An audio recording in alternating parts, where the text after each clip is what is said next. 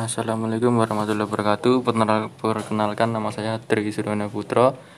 Di sini saya akan menjelaskan metode penelitian yang digunakan penulis adalah metode eksperimen semu.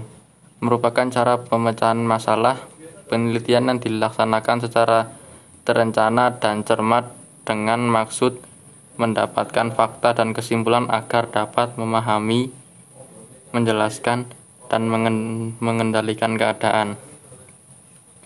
Instrumen penelitian merupakan alat yang digunakan peneliti untuk mempermudah pekerjaan dalam mengumpulkan data peneliti.